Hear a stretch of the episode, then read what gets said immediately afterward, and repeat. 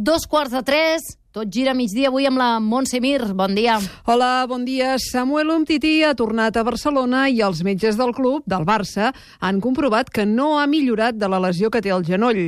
Els seus companys al Barça han començat les vacances després de la victòria d'ahir contra el Celta, que els manté líders de primera, mentre que l'Espanyol ha encadenat una ratxa negativa per acabar l'any. Sis derrotes seguides. A segon aquest migdia ha jugat i ha perdut el Reus, que acaba un any molt convuls a l'equip i al club, i també ha jugat el Divina Joventut a la CB. Tot seguit us en donem els resultats, analitzem les victòries i derrotes i repassem tota l'actualitat del dia. Comencem el Tot Gira Migdia.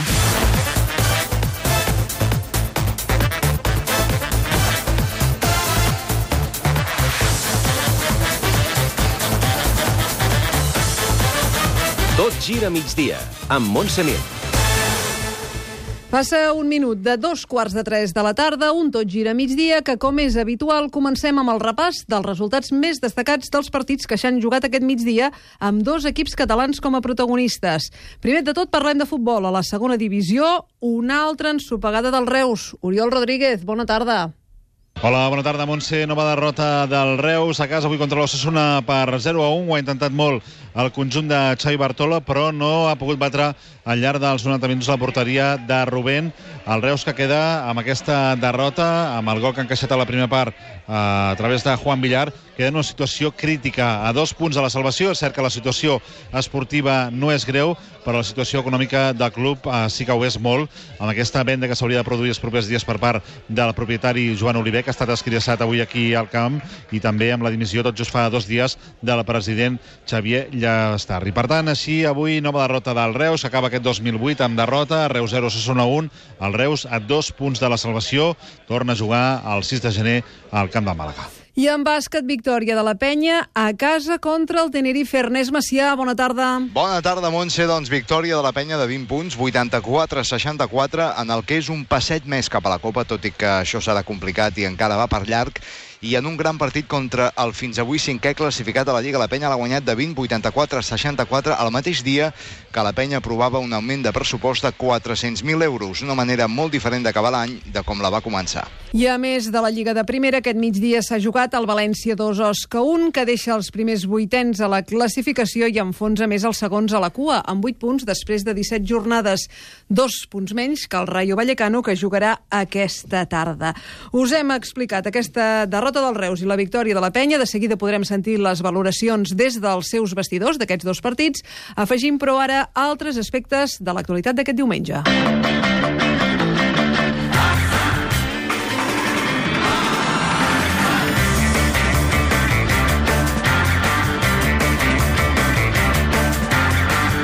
Roger Arbusà, bona tarda. Bona tarda, Montse. Samuel Umtiti ha tornat avui a Barcelona. Aquest matí els serveis mèdics han valorat el seu genoll esquerre després de tres setmanes a Doha. I no ha millorat de la seva lesió, no hi ha cap símptoma de millora. Continuen, a més, els desacords entre el jugador i els metges. Umtiti continua sense voler passar pel quiròfan. Pels metges, en canvi, l'operació és l'única opció. De moment, el francès eh, continuarà aquest tractament conservador aquí. A Barcelona es reincorporarà diumenge que ve dia 30 i la seva data de retorn, per tant, segueix sent una incertesa ara mateix. Es fa impossible preveure un temps aproximat de baixa. Un tití, recordem-ho, es va lesionar ara fa gairebé un mes. Només ha jugat 8 partits, 7 a la Lliga, 1 a la Champions. Ja veurem com evoluciona la recuperació d'aquest jugador francès del Barça i a veure quan podrà incorporar-se definitiv definitivament a la dinàmica habitual de l'equip.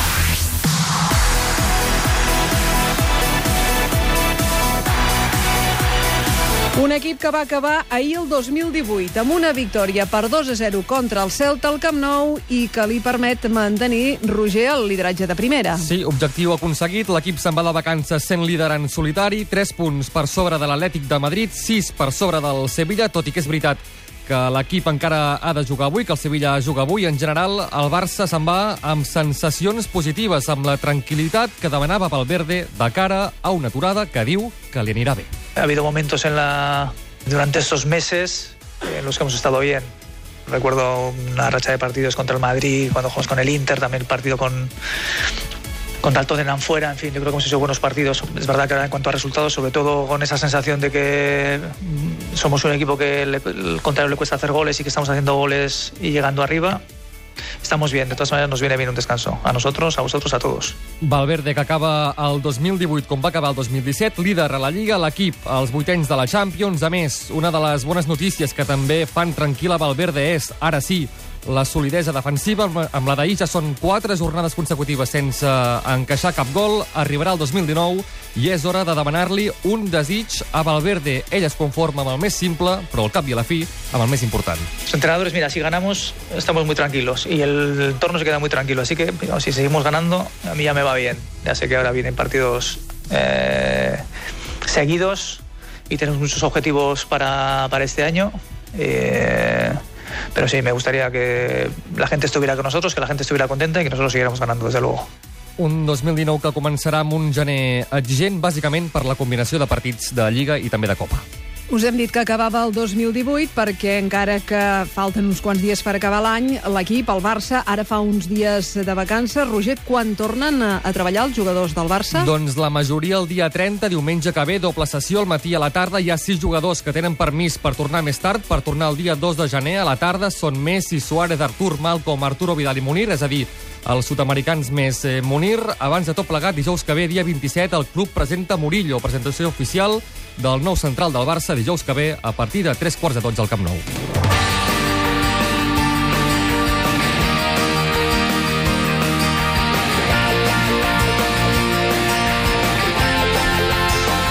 L'Espanyol també va jugar ahir l'últim partit del 2018. No hi haurà temps per més. L'àrbitre assenyala la fi del partit. Nova derrota de l'Espanyol, la sisena consecutiva. Però compte, perquè les coses han canviat. La imatge que avui ha deixat l'Espanyol. El I ho va fer amb una derrota al camp de l'Atlètic de Madrid, al Wanda Metropolitano, per 1-0. Albert Benet, bona tarda. Bona tarda, Montse. La sisena seguida a la Lliga, que empata amb la pitjor ratxa de partits perduts per l'equip, que va ser el 2003, amb Javier Clemente a la banqueta. Amb quines sensacions se'n va l'equip, l'Espanyol, de Amb, vacances? amb males sensacions, això és evident per la derrota, pel fet d'acumular-ne sis de seguides a la Lliga, però al mateix temps amb un bri d'esperança per la solidesa que va mostrar sobre la gespa del Wanda. Són sis derrotes consecutives, això és veritat i això pesa, però l'entrenador Rubi està convençut que el 2019 els bons resultats tornaran. fort, anímicament a dintre del vestidor creiem molt en nosaltres, els jugadors creuen molt amb els seus companys, amb el que s'està fent i òbviament necessitàvem un resultat eh, acompanyat també d'un bon partit com hem fet avui. No ha pogut ser, però tots som molt conscients de que si seguim treballant amb aquesta línia els resultats tornen a ser bons i si tornen a ser bons pues, eh, tornarem a escalar posicions i estic segur que, que això ho demostrarem a la segona volta L'Espanyol està en aquests moments 14è. Ha caigut fins a la 14a posició. Va arribar a ser segon, i ho recordareu, va arribar a tenir una oportunitat de ser líder de primera, però des de llavors, des d'aquell moment tan dolç, les coses han canviat de manera radical. Això sí, l'equip està només 5 punts de la sisena plaça. Un dels pesos pesants de l'Espanyol, David López, considera que aquestes sis derrotes seguides a la Lliga no reflecteixen el que realment s'ha vist sobre el camp. Jo crec que ho hem fet en molts partits, perquè dels sis que hem perdut, Sevilla crec que es va fer un gran partit, Girona, tret dels dos primers eh, minuts, cinc primers minuts que ens van marcar els dos primers gols, crec que es va fer un gran partit, eh, Barça i Getafe no, reconec que van ser molt superiors, però Betis i, i avui crec que, crec que l'equip ha fet molt bons partits, amb fases superbones, i, i crec que en molts dels partits doncs, resultats eh, immerescuts i, i durs, molt durs per nosaltres. Per últim, sentirem també el porter Diego López, que subratlla que, tot i la derrota al Wanda, l'equip se'n pot anar de vacances amb el cap ben alt i amb la seguretat que la dinàmica de resultats canviarà. Partidos como de hoy tienen que servirnos de cara al futuro, de, de vol- devolvernos esa confianza, saber que, que somos un gran equipo también, que competimos con, con equipos como el Atleti de tú a tú y, y nada, de descansar ahora y venir con, con las pilas cargadas para 2019. Ho deies al principi, Montse, l'Espanyol ha igualat la seva pitjor ratxa històrica a la Lliga. L'última vegada que van caure sis derrotes seguides va ser la temporada 2003-2004 amb Javier Clemente a la banqueta. En aquella ocasió, Clemente se'n va al carrer, va ser cessat i Luis Fernández el va substituir per acabar aquella temporada. De fet, en la història de l'Espanyol, només un entrenador, Luis Aragonès, va aguantar sis derrotes seguides sense ser destituït. Ara, però, no hi ha indicis que facin pensar que el lloc de Rubí estigui en perill. I el mateix que li deia abans el Roger Arbusà, quan es torna a entrenar l'equip, els jugadors també tornen de vacances en diferents dates, com faran els del Barça? No, aquí no hem de fer un puzzle, no hi ha tant... Eh, Aquí embolic. tothom al mateix dia, a la mateixa hora. Tothom al mateix dia, eh? El, el dia 29, és a dir, dissabte que ve, o com a mínim és el que ha informat eh, l'Espanyol. La plantilla tindrà, per tant, sis dies de descans fins dissabte que ve. Per cert que per al primer partit del 2019, a Cornellà al Prat contra el Leganés, Esteban Granero serà baixa per sanció.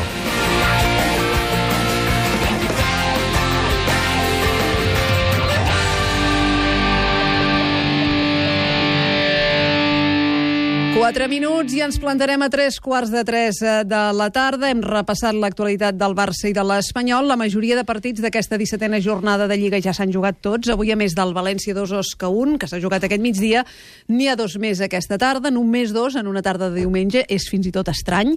A un quart de cinc, Leganés-Sevilla. Els andalusos volen la victòria per no quedar despenjats del Barça i de l'Atlètic de Madrid a la part alta de la classificació. Són a sis punts dels blaugranes i a tres dels matalassers. El Leganés, si guanya, per la seva banda, s'allunyarà de la zona de descens. I l'últim, abans eh, de l'any que ve, a dos quarts de set, Rayo Vallecano Llevant.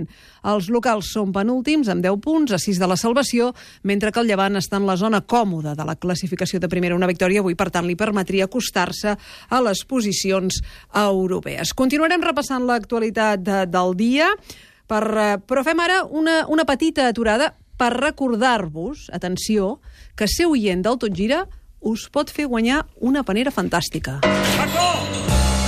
Aquest Nadal, el Tot Gira té un superregal per tu. La gran panera de l'Snac Barça. Vins, caves, torrons, conserves, un pernil...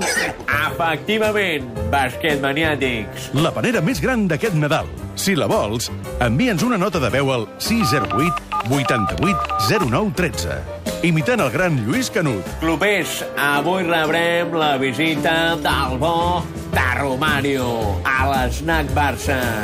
L'únic local de la ciutat que el jugador brasiler no va posar de potes en l'aire.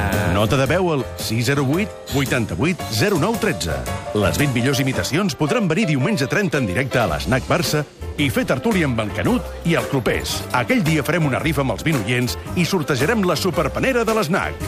608 88 09 13. Imita el Canut i aquest Nadal tindràs de tot. Xavi Soler, bona tarda. Bona tarda. Avui, aquesta tarda, a partir de les 4, tot gira, anirem Sí. donant més dades d'aquesta manera. No et demanaré si tu imitaràs el Canut o no, però com ho tenim, això? Perquè vam començar fa un parell de dies a les xarxes socials, a Instagram, també al Twitter del Tot Gira. Sí. Ahir ja ho vam anar anunciant els programes, per tant, m'imagino que algú algú altre ja ha respost i ja tenim algunes imitacions. Comença a haver-hi ja un boom, eh? Ens ha costat, però ahir la crida per antena ha fet que molts oients comencin eh, primer a veure per les xarxes socials del Tot Gira, recordeu el Twitter arroba Tot Gira, facebook.com barra Tot Gira, també l'Instagram del Tot Gira, les imatges d'aquesta panera, que és espectacular, és espectacular, s'ha currat molt el Canut, i han vist que és tan fàcil com intentar imitar el Canut. Ja dic intentar, hi ha molta gent que ho intenta amb millor fortuna, a pitjor fortuna, hi ha gent que... Mira, la, la panera està molt treballada, tu Sí. deies, però les imitacions, qualsevol cosa val, no? Tot- de fet, tot- és a dir, el que passa que ens, agradaria, ens agradaria que per Home, l'antena pogués sortir una cosa completeta. És a dir, si jo ara faig un, efectivament, Que és el que està fent i molta faig gent. aquell to del Lluís, que a mi no em quedarà bé, perquè, entre altres coses, la meva veu tampoc s'hi adapta i no sé imitar, No, no, és poqueta cosa. És a dir, que la gent perdi la vergonya una mica, que el regal I s'ho val. I tant, i tant. Perdeu la vergonya. Acceptem un sol, efectivament, bascat maniàtics, el que vulgueu. Jo ho he estat assajant abans, he vist que em queda absolutament eh, de denúncia i de presó. Per tant, eh, com que tampoc puc guanyar el premi, no, no hi optarem. Avui parlarem amb el Lluís Canut també per saber si eh, realment li agrada, que em sembla que sí, que la gent l'imiti, quan faltin uns 20 minuts per les 8, Uh, parlarem amb ell i donarem més dades també d'aquesta espectacular panera, però sobretot, sobretot, tingueu el número de telèfon on, on hem de... Ara farem com allò de la Sí. marató de TV3, t'alçats, suposo. El que passa que és una mica més difícil i, per tant, us el faré repetir a, a tots, perquè ara, amb l'Albert Benet o amb tu mateix, us A fotrien mi un me'l pots compromís. fer repetir, si vols. Perquè el tens apuntat. Correcte. 608 88 09 13, 608 88 09 13, una nota de, de veu imitant el Canut, correu-vos-ho, si us voleu quedar amb l'efectivament vosaltres mateixos, si voleu fer eh, un speech de més temps, també ho agrairem, i uh, la setmana vinent sortejarem entre tots els oients que vindran a l'Snac Barça, al bar del Paco, a fer tertúlia amb el Canut, el Clopés i companyia, aquesta panera espectacular que, si voleu, ja la podeu veure a les xarxes. A veure, anar al bar del Paco, passar-t'ho bé, imitar sí. el Canut, conèixer el Canut, conèixer el Clopés, que avui no hi és, però la setmana que ve hi serà, i guanyar una panera jo crec que val la pena. 608 88 09 13, imitacions del Lluís Canut. Hem fet una aturada, com dèiem, en la informació estricta, de seguida hi tornem. Catalunya Ràdio. Sabeu que el pessebre vivent de les Torres de Fals al Bages fa 40 anys que es representa? 260 actors, figurants i tècnics el fan possible i cada any ho fan més i més bé. Una hora de representació del naixement de Jesús que sempre més recordareu. Entrada gratuïta per als socis del Club Super 3. Més informació a pessebre.cat. Fins al 6 de gener. El Mercat de les Flors presenta Mobile, del coreògraf francès Pierre Rigal, una peça intel·ligent entre el teatre i la dansa que farà les delícies de tota la família. Recomanat a partir de 10 anys, del 27 al 30 de desembre i del 2 al 4 de gener al Mercat de les Flors, la teva casa de la dansa. Més informació a mercatflors.cat. Setmanari La República. Aquest cap de setmana als quioscos. Dissabte per 2 euros i diumenge per 2 euros i mig amb el punt avui. lrp.cat. Catalunya Ràdio. Revolució 4.0. Segurament no sóc el millor alpinista català, però en canvi penso que hi he posat potser més ganes que molts altres, no? Aquest diumenge l'alpinista Ferran Latorre, el primer català que ha conquerit els 14 8000. I parlarem també dels premis Dona TIC de la Generalitat de Catalunya i també un sistema de detecció de malalties revolucionari. Revolució 4.0. Aquest diumenge a les 11 de la nit a Catalunya Ràdio. Amb Xantal Llavina.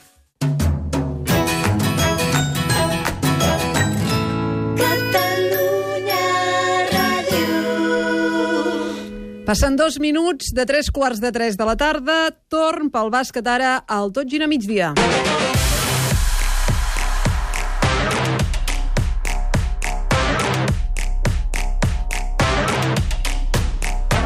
Hem dit també en començar el programa. La penya ha guanyat per 84-64 al Tenerife, el fins ara cinquè classificat de l'ACB. És una victòria que empeny una mica més els verd i negres cap a la Copa i que arriba el mateix dia que el club ha aprovat una ampliació del pressupost després d'un any que ha tingut també complicat els eh, despatxos. Els vestidors de l'Olímpic de Badalona, a aquesta hora, el vestidor del Joventut, concretament, encara hi tenim l'Ernest Macià. Albert Ventura, bona tarda. Què tal, Ernest? Què tal? Acabem l'any molt diferent de com el vam començar, als despatxos i a la pista, eh? Sí, qui ho diria? La veritat és que passat va començar... El 2018 va començar molt malament, perdent amb el club a fotut, i l'acabem doncs, amb un futur que il·lusionant, amb un equip que s'ho deixa tot, ha canviat molt, esperem que el 2019 segueixin endavant. Avui heu, fet una, heu clavat una pallissa de 20 punts a un equip que era el cinquè classificat, vull dir, això és fàcil de dir i molt difícil de fer. Què heu fet per passar per sobre del Tenerife? Estem defensant molt bé, estem sent molt agressius, que, que és el que volem. Aquí amb la nostra gent uh, no es poden anotar fàcil, uh, cada cop que vulguin anotar els ha de costar un, un món i ajuda i al final ho hem aconseguit. Crec que si defenses bé et permet jugar alegre, jugar més ràpid. Ja et dic, no ha sortit tot molt bé, però aquesta victòria és, és una victòria d'equip. Crec que tothom ha sumat i bueno, molt contents. Us molesta si parlem de Copa? Pues jo ets sincer, jo crec que encara no. Ara queden quatre jornades, estem entre els primers i volem defensar. Volem defensar la nostra posició, volem... Ens queden quatre partits i volem guanyar els quatre i si guanyem els quatre estem a la Copa. Així que, sí, és cert, uh, potser a principi d'any la gent ens deia, però ara han de ser realistes. Queden quatre partits i crec que tothom ens hauria jugar la Copa. Doncs felicitats i ànims. Les sensacions eh, de la penya, aquestes sensacions de l'Albert Ventura, del capità del Joventut, després d'aquesta victòria davant el Tenerife per 20 punts, una, una victòria que els acosta més a la Copa i així ho ha valorat el capità verd i negre. El Barça va jugar ahir, la penya ho ha fet aquest migdia i aquesta tarda qui juga és el Baxi Manresa.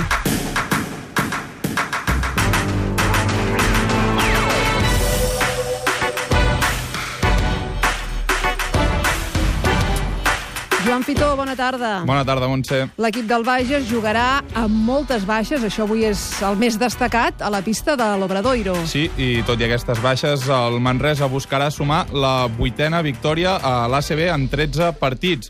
Tot això mirant de reull la classificació per la Copa del Rei, que guanyant avui quedaria una mica més a prop. Com dèiem, Joan Penyarroia no podrà comptar avui amb Jim Bainis, Dolman i Saco, que cap d'ells ha viatjat a Galícia. A això hem de sumar-li els dubtes de Pere Tomàs, que arrossega una lesió muscular a la cuixa, i Marco Lukovic, que va tenir la setmana passada una lesió a la mà dreta i només ha pogut completar un entrenament amb el grup. Precisament de les baixes i de l'Obradoiro en parla Joan Penyarroia, tècnic del Baxi Manresa. Un rival que està en el seu millor moment de forma, davant d'un rival que dintre dels equips que no són top, pues, segurament té el roster amb més jugadors i bueno, pues una setmana en la qual nosaltres, eh, com aquell qui diu que si venirem amb la meitat de la nostra plantilla tot i el potencial del que parlava Joan Penyarroia, noms com Basile Lladis o Nacho Llobet, l'Obradoiro només ha guanyat 5 partits dels 12 que ha disputat fins ara, però ve de sumar dues victòries consecutives contra l'Estudiantes i el Saragossa. El partit començarà a les 5 i l'anirem explicant al Tot Gira amb l'Ernest Macià. L'home de bàsquet a Catalunya Ràdio l'hem sentit ara fa uns instants des de Badalona. Aquesta tarda seguirà des d'aquí, des de l'estudi, aquest partit del Baxi Manresa, com explicaves, amb tres baixes i dos dubtes importants per jugar a la pista de l'Obradoiro. El Barça Joan, per la seva banda, segueix líder. 11 victòries en 13 partits i ahir, un dia més, victòria molt còmoda a l'ACB, un rendiment que contrasta amb el paper del Barça a l'Eurolliga. Ahir, 71 a 104 a la pista del Guipúscoa, amb un tercer quart històric. 7 a 34, 27 punts de diferència en el que és el major diferencial en un tercer període uh, de la història. Tot i els 104 punts anotats ahir, Pesic deia que la defensa era la clau. Jugamos uh, excelente, gracias a nuestra defensa. Cambiamos uh, manera como se defiende, ¿no? Nosotros no cambiamos nada, solo jugamos nuestra defensa. Adam Hanga amb 16 punts i Tomàs Ertel amb 14 van ser els dos millors blaugranes ahir a la pista del Guipúscoa. I encara en el repàs del bàsquet del més important d'aquest cap de setmana hem d'afegir que l'NBA, la gran actuació de Ricky Rubio, no ha pogut però evitar aquesta matinada la derrota dels Utah Jazz. Els de Salt Lake City han perdut 106 a 107 contra Oklahoma. Ricky Rubio ha firmat una gran actuació amb 12 punts, 7 rebots i 14 assistències. S'ha quedat només a 3 rebots del triple-doble en 37 minuts de joc. Paul George, d'Oklahoma, ha acabat amb 43 punts i 14 rebots. A l'NBA també, els Spurs de Pau Gasol, que segueix de baixa per una fractura per estrès al peu esquerre, han perdut 108 a 101 a la pista dels Houston Rockets. L'estrella dels Rockets, James Harden, una nit més ha estat clau amb 39 punts, 4 rebots i 10 assistències.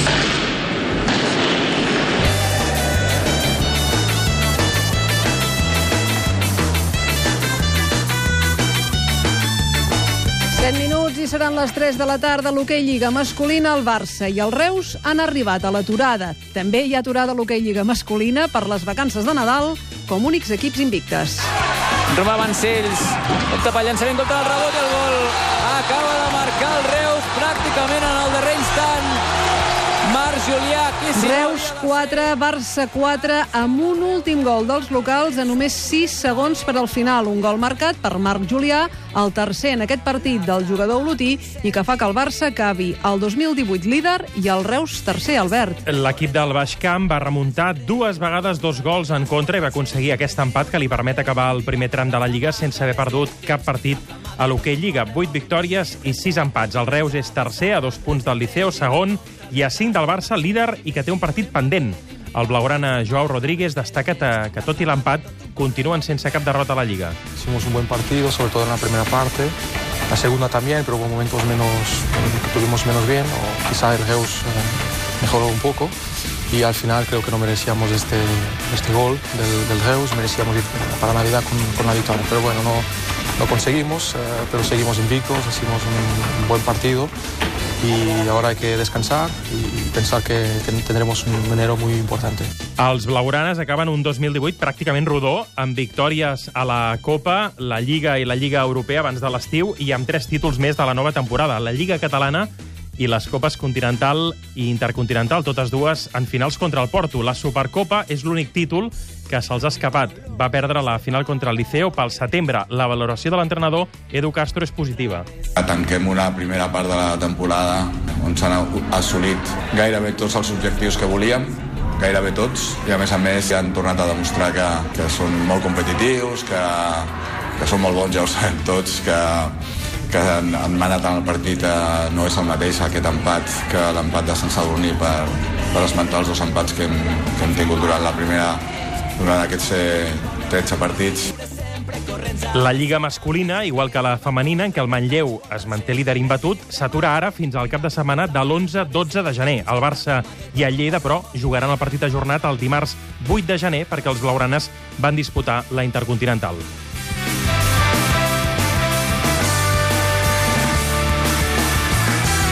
Avui també juguen les seleccions catalanes d'hoquei patins a Mataró i en el marc de la segona jornada solidària del Nadal sobre rodes, Catalunya s'enfrontarà a Xile. El partit entre les seleccions masculines comença d'aquí aproximadament una hora, a les 4, el de les femenines a partir de les 6. Els partits de les seleccions catalanes en les dates de Nadal ja es van reprendre la temporada passada, en el cas de l'hoquei patins, després d'un any sense disputar-se, i Catalunya en aquella ocasió fa un any va jugar contra combinats de jugadors de tot el món a Vic en una jornada en què també va incloure, com passarà avui, exhibicions de patinatge artístic. La recaptació d'aquesta festa solidària, igual que la de l'any passat, serà per la Fundació Joan Petit Nens amb Càncer. També inclou un torneig d'escoles que es fa aquest migdia i de tot plegat en tindreu també seguiment avui al Tot Gira a partir de les 4.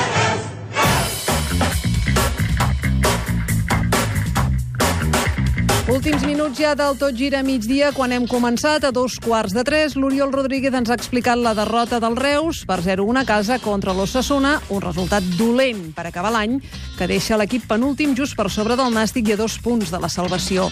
Una derrota que arriba després d'uns últims mesos convulsos, amb deutes als jugadors, el perill de no poder seguir jugant a segona, mala maró i fins i tot la dimissió del president Xavier Llastarri aquesta setmana i també repetició de xiulets avui, ens ho ha explicat l'Oriol al començament. Un Oriol, per cert, que encara és el municipal de Reus, per fer-nos arribar les valoracions dels protagonistes del partit. Doncs el primer jugador del Reus que sortirà a parlar a la zona mixta és David Carol, després d'aquesta desfeta avui contra l'Ossassuna per 0 a 1 i ja podem començar a fer-li preguntes. David, com valores aquesta desfeta avui? Bueno, jo crec que hem fet tot el possible per, per guanyar, no? jo crec que l'equip ha sortit bé, ha estat intens, ha tingut ocasions, ho ha fet tot, i mira, la primera que ha tingut Osasuna la, l'ha fotut dins i bueno, ens ha anat al vestidor una mica cabit baix. La segona part hem tingut més ocasions i no ha ningú manera, però bueno, jo crec que, que aquesta és l'actitud i tenim que continuar així. Com, com veus el panorama del Reus? Ara és complicat, esteu de totes maneres esportivament no tan malament com podria ser econòmicament, és a dir, només esteu a dos punts de la salvació. Què demanes, evidentment, a, a l'any que ve, el 2019? Bueno, jo crec que estem més vius que mai, no? Jo crec que dos punts a aquestes alçades queda tota la segona volta, que és quasi sempre quan, quan es veu les, les coses, les castanyes del foc i jo crec que ara quan, quan acabi tot, quan tornem de vacances, espero que, que puguin jugar els tres jugadors que tenim aquí sense, sense fitxa i jo crec que és un plus per, per l'equip. David, las últimas tres semanas, las últimas tres jornadas, el equipo ha dado una imagen, eh, digamos, que ha dado un paso adelante respecto a lo que venía haciendo, eh, està cumpliendo. Li demanen si l'equip està fent un pas endavant, a, sobretot pel que fa al joc aquestes últimes, aquestes últimes jornades. Sí, está claro. Bueno, yo creo que de los últimos nueve puntos hemos hecho, hemos hecho cuatro y como tú, como tú dices, el día del Córdoba yo creo que, que merecimos un poco más, pero bueno, fue, fue un empate. Yo creo que hoy ya se ha visto en el, día, ¿no? Yo creo que los primeros 35 minutos hasta que nos han marcado gol han sido unos 35 minutos que el equipo ha estado muy, muy bien. No, no ha tenido la recompensa del gol que es lo que nos está, nos está pecando, ¿no? es, la, es la verdad. Ellos tienen una y la meten, el Córdoba otro día tiene una y la mete y nosotros pues necesitamos mucho más para hacer un gol, pero bueno, yo creo que, este es el paso i la línia a, a seguir. Doncs és David Carol, el jugador del Reus, que lamenta les ocasions que, que avui ha fallat l'equip i sobretot eh, incideix en una cosa, que l'equip està més viu que mai, sobretot si de cara al 2019 és capaç de recuperar aquesta normalitat institucional i econòmica al voltant del club. També s'ha acabat aquest cap de setmana la primera volta de la Superliga Femenina de Voleibol. Joan Fitó amb una victòria molt important per al Barça. L'equip blaugrana va aconseguir ahir els 3 punts contra l'Aro Rioja, una victòria que li permet acabar la primera part del campionat en segon lloc, cosa que implica la classificació directa per les semifinals de Copa. Eso ha sido un premio al trabajo del equipo, eh, la constancia y, y muy contentas de, por primera vez, yo llevo muchos años en el club, por primera vez que el equipo de Superliga se clasifica directas a semis, así que muy contentas. És Camila Maldonado, la capitana del Barça, que expressa la satisfacció de l'equip per l'èxit que suposa aquesta classificació. L'última vegada que el Barça va jugar a la Copa va ser la temporada 2014-2015, en què va arribar a les semifinals. I en rugby, Joan, derrotes del Barça i la Samboiana contra rivals dificilíssims, els equips de Valladolid. Barça 21, Valladolid Queso- Quesos entre Pinares 34. Els Blaugrana han tornat a plantar cara al segon classificat de la competició. La Samboiana, per la seva banda, ha caigut de forma molt clara contra el Salvador per 55 a 7. Nosaltres ho deixem aquí, s'acaba aquest tot gira migdia. Recordeu, però, que és una pausa cu- curtíssima. Els d'esports tornem amb el Xevi Soler i el tot gira a partir de les 4 de la tarda. Adéu-siau.